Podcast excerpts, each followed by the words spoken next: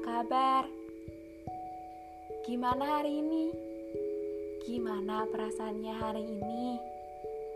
Senang, sedih, atau bingung? Gak apa-apa, perasaan emang sering kali susah untuk didefinisikan. Hmm, kerasa ya, Rujita sudah sampai pada episode ke-9 Dan episode ke-9 ini Saya akan membahas soal pendidikan. Ya, sebuah podcast yang sebenarnya saya tujukan untuk diri saya sendiri Sebagai kritik untuk diri sendiri. Ya, benar. Saya sebagai seorang mahasiswa semester 5 yang mana bisa dibilang bahwa saya sudah menempuh pendidikan formal 15 tahun lamanya dari saya TK. Tapi kalau boleh jujur, selama saya menempuh pendidikan selama itu, saya merasa bahwa saya tidak dibentuk menjadi seorang insan akademis. Iya, benar. Saya merasa bahwa semuanya mengarahkan saya bagaimana menjadi sukses, terutama soal materi. Jarang sekali berbicara tentang pengabdian dan keikhlasan. Entahlah, mungkin lingkungan saya yang memberikan gambaran begitu klise, begitu tinggi ego, mungkin. Namun, tidak saya pungkiri bahwa saya pun nyata demikian adanya. Yang ada dalam benak kepala saya adalah tentang ego diri sendiri setelah lulus nanti.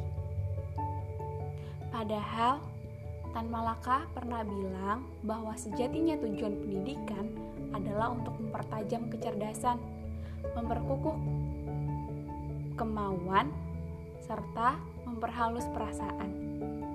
Artinya, Sesungguhnya orang-orang berpendidikan akan mampu menjadi sedemikian bijaksana untuk masyarakat bangsanya.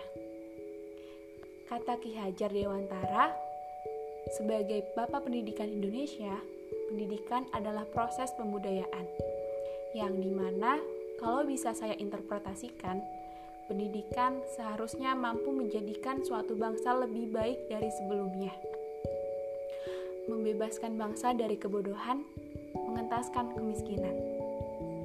Dan menurut UU nomor 12 tahun 2012 tentang perguruan tinggi, mahasiswa sedang dibentuk menjadi seorang insan akademis, seorang intelektual.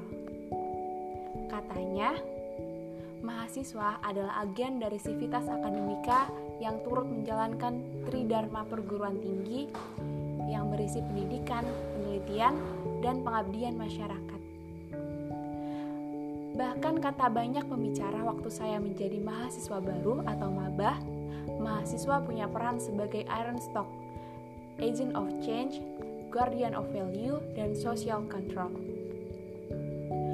Dengan begitu, bukankah pendidikan mampu menjadi suatu luar biasa menjanjikan kan? Tapi nyatanya, sebagai seorang mahasiswa di institut ini, saya merasa tidak merasa sedang dibentuk menjadi seorang insan akademis. Ya, saya merasa sedang dibentuk menjadi pekerja yang nggak boleh nanya kenapa.